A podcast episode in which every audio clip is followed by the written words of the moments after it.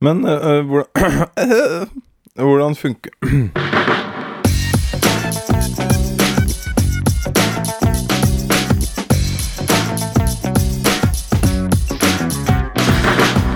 Du hører på Psykologlunsj, populærvitenskapelig lunsjprat med psykologene Tommy, Jonas og Jan Ole.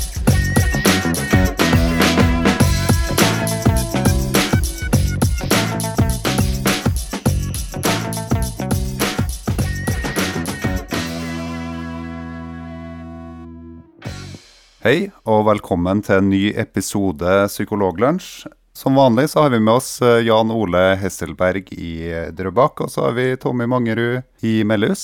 Ikke i Malvik, for der er jeg, som heter Jonas Våg. Tommy Mangerud har faktisk bursdag når vi gjør opptak, men det har jo ikke noe å si for dere, for dere hører jo denne podkasten ei uke senere. Mm, fint at du nevner det. Ja, det var ikke fint? Jo, Hvordan har bursdagen vært? Eh, jo, den har vært fin. Litt gaver, litt oppmerksomhet, eh, god mat. Alt det der. Veldig bra. Kort. Mye oppmerksomhet eller litt lite? Eh, akkurat passe. Nei, den starta med at jeg ble forsømt. Ja. Eh, Du tenker Av- på den den pinlige episoden i, i, ved midnatt? Ja, for da var jeg sammen med Jonas og noen flere venner som ikke huska at jeg hadde bursdag i starten av sammenkomsten. Så det skal jeg, det skal jeg bruke mot deg i god stund. Du tenker da vi var ute på en restaurant, og så kom Ja. det en tilfeldig person og spurte hvor gammel vi var. Ja. Og så, og så kikka du på klokka, og så sa du ja, akkurat nå er jeg 37. Og så satt vi andre litt sånn i villrede og lurte på, lurt på har du bursdag.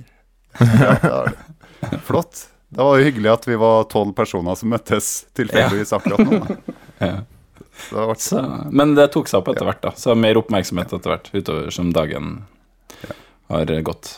Eh, For eh, fire år siden så gikk jeg, startet jeg på et spesialiseringsprogram i klinisk samfunnspsykologi, som jeg gikk i to år, sånn at jeg kunne bli spesialist. da. Og på det spesialistprogrammet så var det eh, For, for jeg har en tendens til å ta, ta en del plass når jeg er på kurs. Jeg bruker å snakke en god del og ta ordet en god del. Det vet en Tommy òg. Mm. Tommy har en tendens til å være akkurat likeens, og jeg er ganske sikker på at Jan Ole er litt sånn også. Eh, Men på, tydeligvis på, på det spesialiseringsprogrammet der, så var det en annen person som også har en tendens til å ta ordet veldig mye. nei, det kan jeg ikke tenke meg. Og da, og da kjente jeg faktisk at jeg ble litt sånn irritert. At, jeg, at, at mine tanker egentlig ikke fikk lov til å komme eh, akkurat når jeg tenkte dem. Eh, og, det, og det var selvfølgelig da Heidi Tessan, som vi har med oss som gjest i dag. Hallo. Hallo, ja. Som er psykolog og samfunnsdebattant òg, det er lov til å si det? Ja, Ja. etter hvert. Det er litt sånn pretensiøst ord, så jeg syns kanskje det er Men jeg, ja, jeg liker å mene noe. Og gjerne i avisene. Ja. ja. Ja. Og konkurrere om eh, kronikkspalteplass og alt mulig sånn, da. Liksom skyve oss ut og komme i Aftenposten og alt mulig sånn. Eh, og du jobber på BUP på Øvre Romerike som eh, prosjektleder akkurat nå. Gjør du, men du har jobba med masse forskjellig. Du har jo på en måte vært kommunepsykologen før òg, har ikke du det?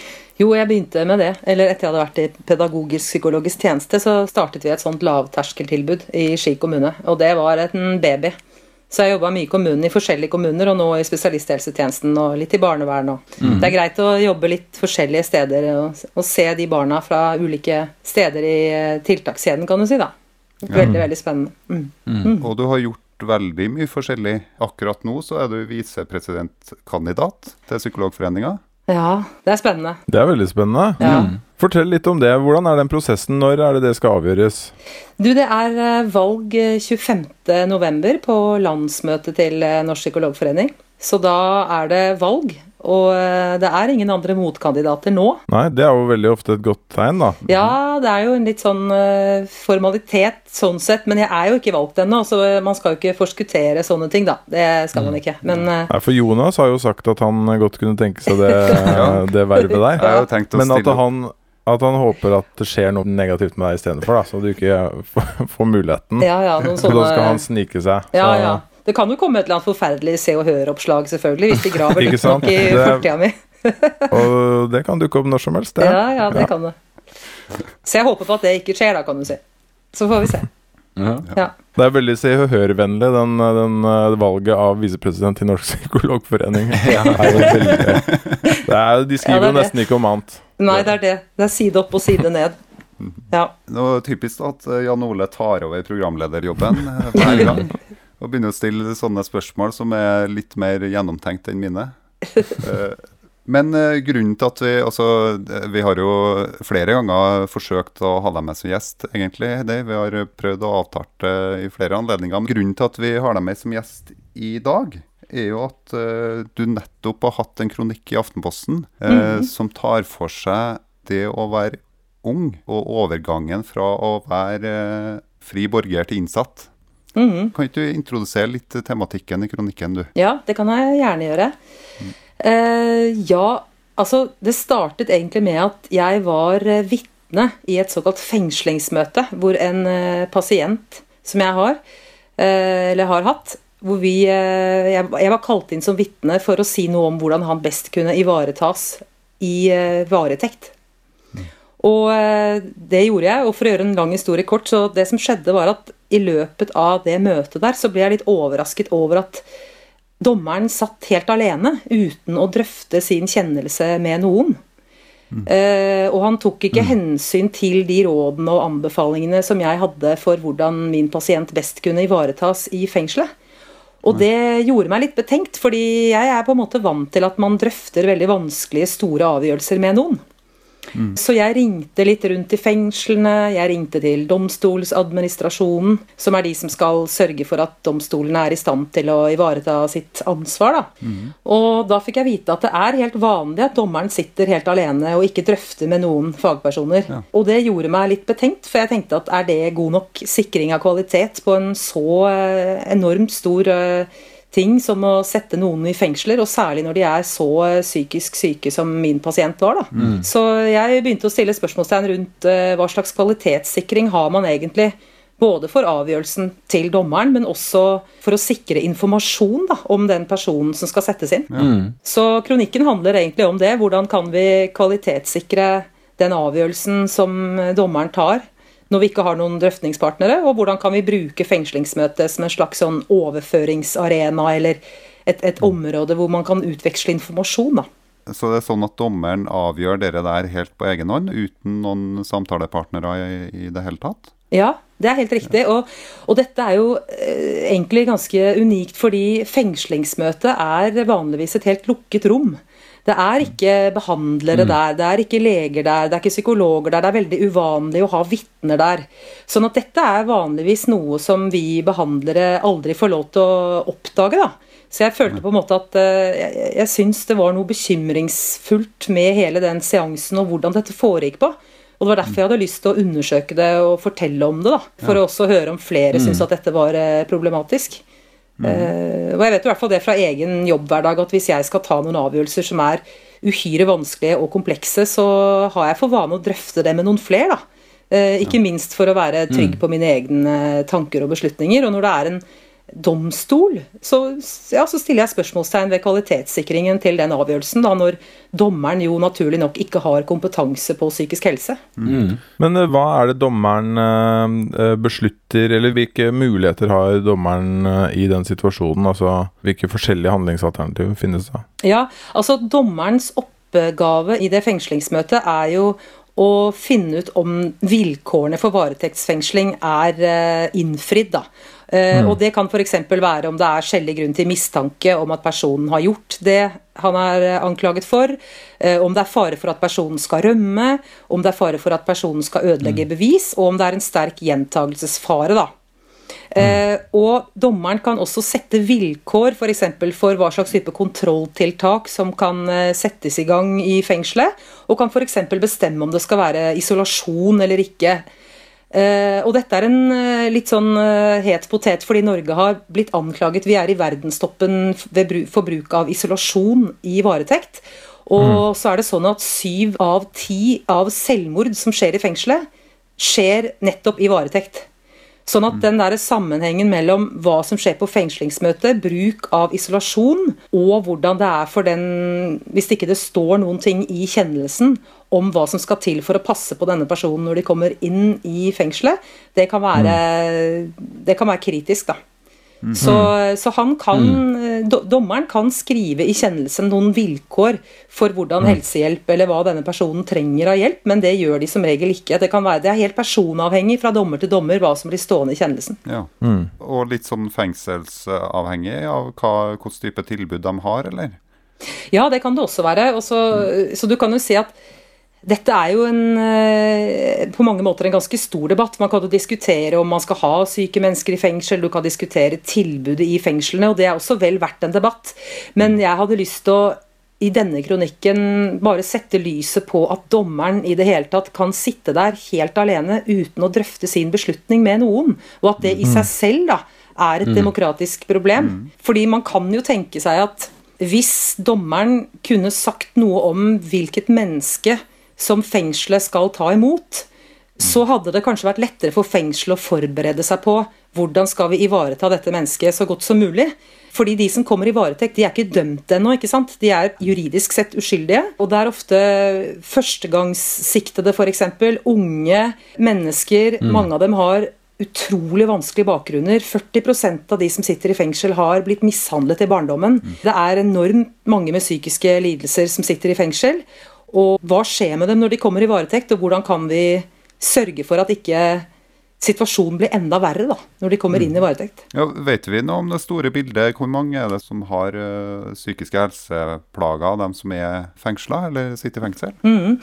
Altså, stortingsmeldinger og rapporter og sånt noe peker på Det er forskjellige rapporter på dette, men den rapporten mm. som jeg viser til i den kronikken jeg har skrevet, det er et, eh, en rapport som er skrevet av Kompetansesenteret for eh, sikkerhets-, og fengsels- og rettspsykiatri. og De skriver at 90% har symptomer på en eller flere psykiske lidelser. Og de opererer med at ca. 40-42 har uh, angstlidelser. Uh, rundt 70% kan ha personlighetsforstyrrelser. Det er også noen uh, prosent med psykose, som egentlig jo kanskje ikke burde vært i fengsel i det hele tatt. Så det er store tall vi snakker om her. Det er mye, mye høyere forekomst, eller mange flere som har psykiske lidelser som sitter i fengsel enn befolkningen for øvrig, da. Mm. Mm. Hvordan gjøres det her i andre land? Vet du noe om det? Altså, er det vanlig å ta med altså at beslutningene gjøres uh, alene av dommeren i andre land? Og har de i så fall med seg helsepersonell i de beslutningene der? Du, Det er et veldig godt spørsmål, det vet jeg ikke. Jeg har bare sett på Norge. For det var jo bare mm. fengslingsmøtet jeg egentlig har satt meg inn i foreløpig, for det var der jeg var til mm. stede. da. Mm. Men det jeg på en måte tenker på som er det store bildet her, som er bekymringsfullt, er at det er ikke tilfeldig hvem som havner i fengsel. Du har selvfølgelig også folk fra høyere sosiale lag som kan havne i fengsel. Men de fleste som sitter i fengsel, har jo bakgrunner som er veldig, veldig vanskelige. Og mm. veldig mange som sitter i varetekt, har også utenlandsk opprinnelse. Mm. Og, og, kommer fra miljøer hvor det har vært store belastninger mm. i barndommen. Mye vold, mye mishandling, mennesker med store slitasjer. Mm. Og hvis man skal tenke fengselet som kanskje en mulig måte å rehabiliteres på, da, sånn at du ikke kommer ut Altså for å minske sannsynligheten for at du kommer ut igjen som en enda dårligere fungerende person, da, så er jo nettopp mm. den der overgangen fra fri borger til innsatt en, en veldig interessant overgangssituasjon, da, ikke sant? hvor vi har muligheten til å påvirke ganske mye av innholdet i soningen. Mm. Mm. Og, det, og det, det, de fortalte når jeg ringte rundt i fengslene da, for å høre hva, hva tenker dere om det her, så sa de at dette har vært et problem alltid. Noen ganger så får vi mennesker inn som er kjempesyke, og vi vet ingenting om dem når de kommer inn. Og så er det helt prisgitt da, om de har hatt en behandler som har gitt informasjon, om advokatene har vært flinke til å innhente informasjon, om dommerne er interessert i å høre. Det, det er prisgitt det, det, det, er liksom opp til mm. enkeltpersoner. Da, og det er det som bekymrer meg, at det er så personavhengig hva slags type informasjon som fengslene får. Um, så, så det, er jo det er på en måte flere spørsmål her. Det ene er den informasjonen som fengslene får, og så er det også et spørsmål om hvilken mulighet de har til å følge opp hvis de får gode råd. Mm. Men en ting jeg lurer på er har dommeren i det fengslingsmøtet mulighet til å ønske seg en tvangsinnleggelse, altså begjære en tvangsinnleggelse via en lege? Altså Er det et alternativ å si nei, dette skal ikke være varetekt, det, det, men, det, men det hører hjemme i psykisk helsevern? Ja, altså politiet kan løslate en person og heller si at vi vil at den personen skal sone i psykisk helsevern. Mm. Men problemet er at hvis du først har kommet inn i varetekten, så tar det ofte litt lengre tid å finne ut av hvordan kan vi hjelpe denne personen. Det er ofte ikke så mange med kompetanse til å gjøre de vurderingene i fengslene. Sånn at mm. dommeren har muligheten til å si noe om det på et fengslingsmøte, men da må han jo få den informasjonen. Og det er der problemet ligger, at dommerne får ofte ikke den informasjonen som de hadde trengt. Og når de får den, så er det da helt personavhengig om de velger å inkludere det i den kjennelsen eller ikke. Men når det gjelder akkurat om de kan begjære at denne personen heller skal f.eks. være i psykisk helsevern, det er jeg litt sånn usikker på om det er på det møtet de beslutningene pågår, eller om det er i fengselet. Det er jeg ikke helt sikker på. For det er jo litt som du også er innpå i den kronikken din der, at uh, psykiske lidelser er jo ikke alltid noe som er veldig åpenbart, og som synes veldig godt utapå. Uh, så jeg tenker vi også strever jo med det av og til, å finne ut av om en person er syk eller ikke. Ikke sant? Og da tenker jeg hvor vanskelig det må være for en dommer da, å ta den avgjørelsen alene. Eh, og man kan jo tenke seg at hadde det vært andre åpenbare helseplager en person hadde plagdes med, så hadde antageligvis det blitt tatt hensyn til. Altså hadde personen hatt en somatisk sykdom som var veldig synlig, så hadde man antageligvis fått helsehjelp for det. Eller tilrettelagt mm. Og, situasjonen, og det kanskje. er jo uh, Jeg bare kom til å tenke på Jeg fikk en tekstmelding i går fra en uh, lege som hadde lest eh, kronikken min. Og jeg har lyst til å bare lese opp litt grann av den tekstmeldingen. Jeg skal ikke lese hele. Men jeg syns hun treffer noe veldig bra. For at hun skriver at hun mange ganger selv har sittet Har f.eks. Eh, kommet inn i fengselet, og så har hun måttet vurdere folk som har lyst til å ta sitt eget liv på cella. Og så forteller hun at hun mange ganger har tenkt at hvis hun kunne fått vært med, eller hvis de som kommer på fengslingsmøtet kunne hatt med seg en person som kunne fortelle litt om det mennesket og forberede fengselet på det, eller i hvert fall kunne sikret at den informasjonen kommer til fengselet, så er det en del skjebner som kunne vært spart. da. Så hun kjente igjen dette her veldig mye, og har selv hatt mange opplevelser inne fra fengselet hvor hun opplever at de ansatte der har altfor lite kompetanse på dette. Og det som jo kan skje, ikke sant, er at folk blir enda mer urolige, enda mer eh, utagerende, oppfører seg, ikke sant, blir veldig redde og gjør Når mennesker er redde, så gjør de jo veldig mange ting som kan virke veldig slemt og sint, og så er de kanskje veldig redde da. Og hvis man ikke vet hvordan en veldig engstelig person kan mm. opptre, så er det veldig vanskelig å vite hva man skal gjøre med det. Så ja, jeg, sy syns det er bekymringsfullt. Og det er jo selvfølgelig sånn at man burde hatt mye mer behandling eh, i fengselet. Det burde vært flere psykologer og leger og Men vi har denne overgangen altså, eh, Jeg kom til å tenke på én ting. Hvis vi tenker ellers i livet, når barn går fra barnehagen til barneskolen, fra barneskolen til ungdomsskolen, alle de gangene de bytter sted å være, så er det jo veldig bra hvis man klarer å overføre noe av informasjonen fra barnehagen til barneskolen. ikke sant? Fra barneskolen til ungdomsskolen osv. Og, så og her har vi på en måte den andre veien, da, når du har vært fri borger og så skal du tilbake på en institusjon, som er et fengsel. Det er også en overgangssituasjon da, som er veldig sårbar. Og det hadde vært så utrolig bra hvis vi kunne fått brukt det møtet til noe mer enn bare å sette vilkår, men faktisk sikre at informasjon om det mennesket kommer inn til fengselet. Ja. Men tror du informasjonen alene i dag ville ha gjort uh, situasjonen bedre? Altså sett bort ifra kompetansen i fengslene. Tror du at informasjonen alene ville ha bedret situasjonen?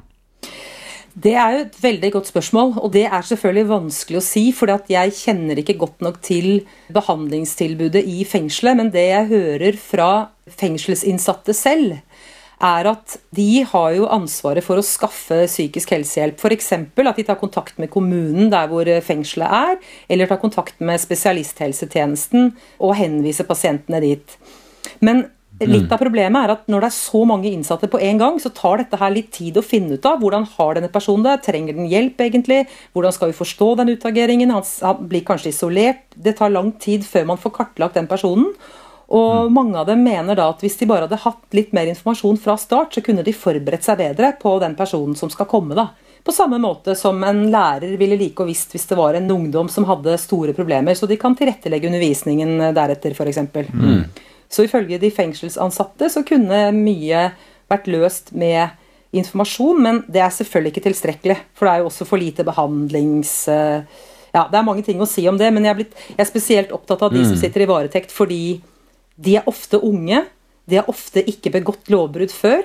Sånn at fra et sånt samfunnsøkonomisk, mer sånn forebyggende perspektiv, da, så er det viktig å gjøre noe tidlig.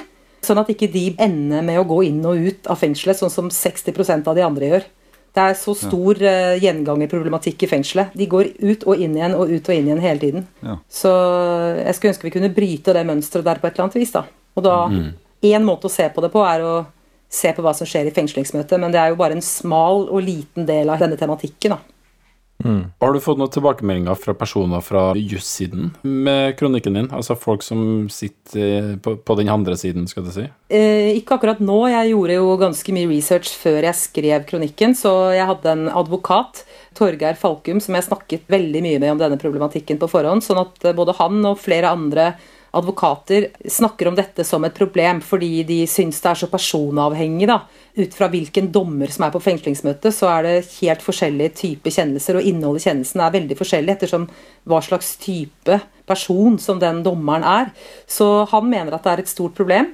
Og så har jeg et par uh, venninner og familiemedlemmer som jobber som dommere, og som syns dette er eh, veldig interessant, og en problemstilling som de kanskje ikke har tenkt eh, så mye på. fordi Ja. det er ikke så mange som har kommentert det, for det er veldig få fagpersoner som er til stede på fengslingsmøtet i det hele tatt. Så det er uvanlig at noen får se hva som skjer der inne, da. Ja. Så, men jeg har ikke fått noen reaksjoner foreløpig på kronikken, så jeg er veldig spent på, på det, da.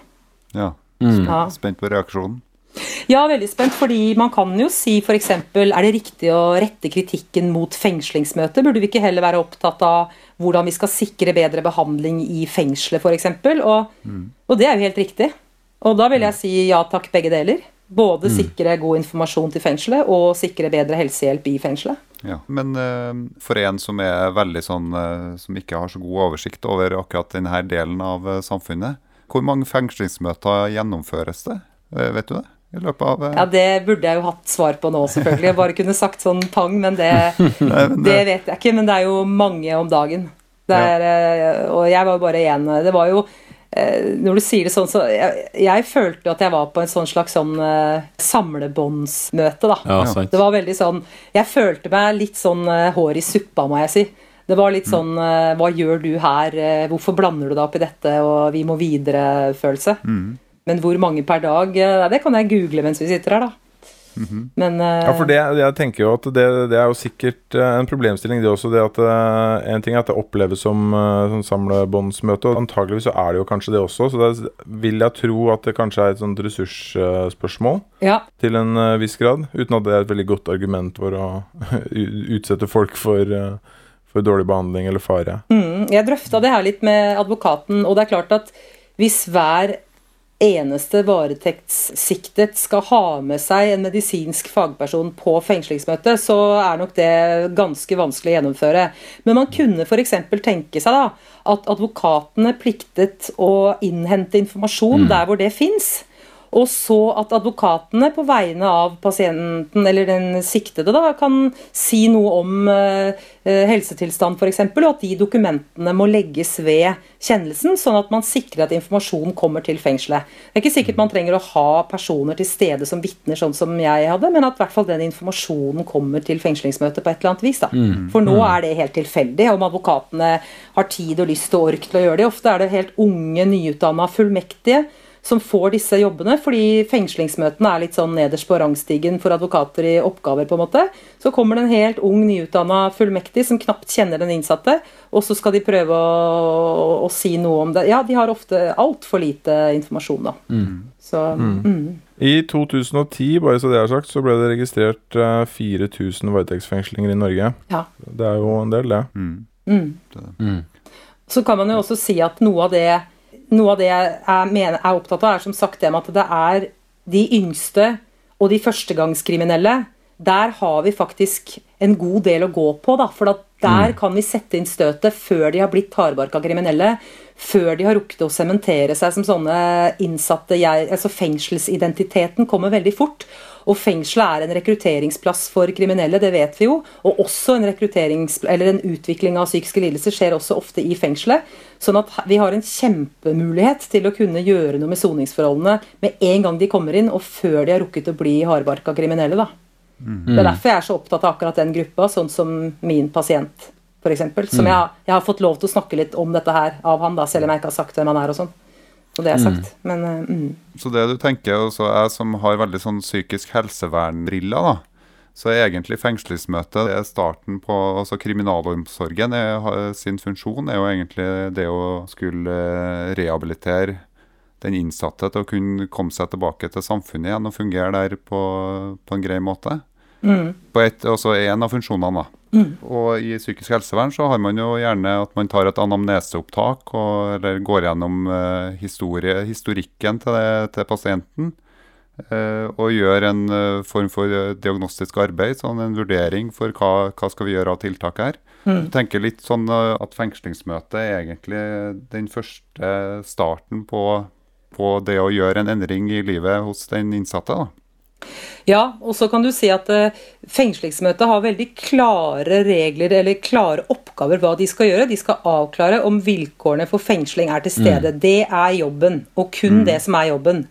Men jeg mener allikevel at eh, selv om det er dagens praksis, så har vi litt å gå på i å bruke også fengslingsmøtet som et type informasjonsutvekslingsmøte. For det er ingen andre møter hvor både politiet og advokaten og påtalemyndigheten og dommeren er til stede. Det er på en måte det første gang man møtes. Og det setter så mye stemningen, det setter så mye tonen for hvordan arbeidet videre kan foregå. Så det er på en måte en ja, det, det her har man muligheten til å gjøre et godt førsteinntrykk, hvis jeg kan si det på den måten. Det høres litt rart ut, men, men det har ganske mye å si. Den tonen som blitt satt på fengslingsmøtet, kan prege den innsattes innstilling til varetekten, ikke sant? Så det har mye å si sånn rent psykologisk som jeg tror at mangler total forståelse. I hvert fall, i hvert fall den dommeren jeg møtte, eh, hadde ingen eh, kompetanse, eller det hørtes ikke ut som han hadde hørt så mye om psykiske problemer før noen gang. Så jeg ble litt sånn overrasket over hvor lite forståelse den dommeren egentlig viste for hele problematikken. da.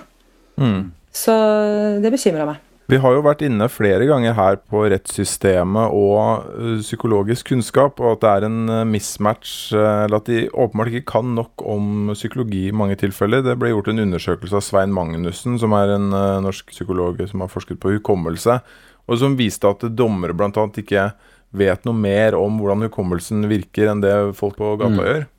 Eh, og så har det jo vært masse snakk om hvordan man gjennomfører vitneavhør, og at man ikke skal påvirke vitner og sånne ting. Og det, det er jo mye kunnskap fra psykologien som burde være selvsagt at det er godt eh, integrert eh, kunnskap også i eh, utdanningen av de som skal foreta disse beslutningene, som med gjentatte ganger ser at det ikke skjer. da. Eh, og det er, det er bekymringsverdig, fordi dette er jo mennesker som settes i en veldig, veldig spesiell situasjon. situasjon. eh, Som man absolutt bør Man må ta hensyn til hvordan mennesker faktisk håndterer sånne situasjoner, og, og gjøre det best mulig for dem, tenker jeg. Ja, det er, det er et godt poeng. Og når vi da vet at som sagt syv av ti selvmord i fengsel skjer i varetekt, og 40% av de selvmordene skjer de første to ukene av varetektsfengsling. Sånn at det er jo akkurat i starten, når de blir fengsla, som er det mest kritiske. Og da er de ikke engang dømt. Da er de fortsatt juridisk sett uskyldige. Det er rett og slett ganske rystende å høre når du, når du sier det der, fordi eh, i psykisk helsevern, som også er mitt område som jeg jobber i, så er jo det her med forebygging av selvmord, det, det prates det om hele tida, ikke sant? Hva er, vi, vi har masse press på oss og blir utfordra på hva kan vi gjøre for å forhindre selvmord, og så her har man kanskje da muligens en sånn lavthengende frukt, ikke sant, hvor man kanskje kan gjøre ganske enkle ting, og så rett og slett redde liv, kanskje, da. Ja, i hvert fall når da den advokaten som jeg nevnte i stad, han hadde jo en klient som tok livet sitt i fengselet. Og da hadde de pga. hans psykiske helsetilstand prøvd å unngå isolasjon. Og det kravet ble avvist, og den gutten tok livet sitt i fengselet. Og da var det for lite informasjon til fengselet om hva som kunne være faresignaler på suicid hos han. da. Så dette skjer jo, så det er ikke bare at det er ett møte. Ja. Og så er det jo selvfølgelig den store diskusjon som vi kanskje ikke skal ta her, siden den er veldig stor, men hva er intensjonen med straff? Altså hva er poenget med å gjøre de her tingene eh, når noen har gjort noe som man mener er galt? Eh, Men i Norge så har vi jo veldig stort fokus på det her med at personer skal tilbake igjen i samfunnet og skal integreres og, og, gjøre, og være så normale borgere som mulig for de fleste, i hvert fall. Som det går an å gjøre med. Og det førsteinntrykket, som du sier. Og hvor skal vi sette lista for å starte med den jobben, liksom? Mm. Ja, og det er noe med at, som sagt, jeg ønsker jo med denne debatten egentlig å sette i gang en litt større debatt, da, som du er inne på nå. For fengslingsmøtet er bare ett smalt, lite område hvor det kanskje går an å gjøre noe med informasjonsflyten. Men så har vi store, mer sånn filosofiske diskusjoner som vi ikke skal ta nå, med ja, hva er fengselet til, skal man ha syke folk i fengsel, hvordan skal man kunne ivareta dem. Mm. Så dette, dette er en del av en større debatt, så jeg håper virkelig at noen Eh, skriver tilbake og protesterer og sier at det er ikke, dette er ikke riktig sted å rette kritikken, dette handler ikke om fengslingsmøte, mm. det handler om noe helt annet. Sånn at man får mm. dratt debatten lenger da, enn å bare være én en enkeltstående kronikk. Mm. Mm. Så det var en oppfordring til alle eventuelle lyttere som, som er uh, jurister eller som jobber i fengsler og følte seg provosert av at uh, vi mm. påstår at de ikke er gode nok på dette. Mm. Det passer jo bra, for det er jo primært jurister som hører på denne podkasten. Nei, men, men vi, vi, vet faktisk at det er, ja. det er, dommere som hører på denne podkasten, så, ja, så vi, har, de... vi har faktisk fått lyttespørsmål fra jusstudenter også, så det er noen av dem, faktisk. Ja. Mm. Men uh, nå er vi jo belyst egentlig et, eh, et, ganske smalt tema, men som òg tar for seg psykologien ganske altså, Hvor det er masse psykologiske problemstillinger som man kan rette inn til akkurat den denne mikroskopiske delen av samfunnet. Mm. Og det, det, liker vi. Det, det er sånn en uh, psykologlunsj skal være. Du starter mm. med et uh, tema du er engasjert i, og så belyser man det med psykologiske briller. Og det har du jo ja. absolutt gjort, Heidi. Bra. Takk. Mm. Jeg håper at eh, det her er med og bidrar til debatt, og jeg er jo ganske så sikker på at du kommer til å engasjere deg ganske mye mer i akkurat dette her, og masse annet også, Heidi. Det er helt sikkert. ja, jeg kjenner deg såpass godt. Så eh, jeg ønsker å takke deg for at du stilte opp som gjest hos oss i lunsjen. Og tusen takk for at jeg fikk være med, det var kjempefint. Takk. Og så eh, blir det sånn at vi kommer tilbake om to uker. Og da skal vi snakke om uh, bøker og noen andre ting. Takk for oss for denne gang. Ha det bra.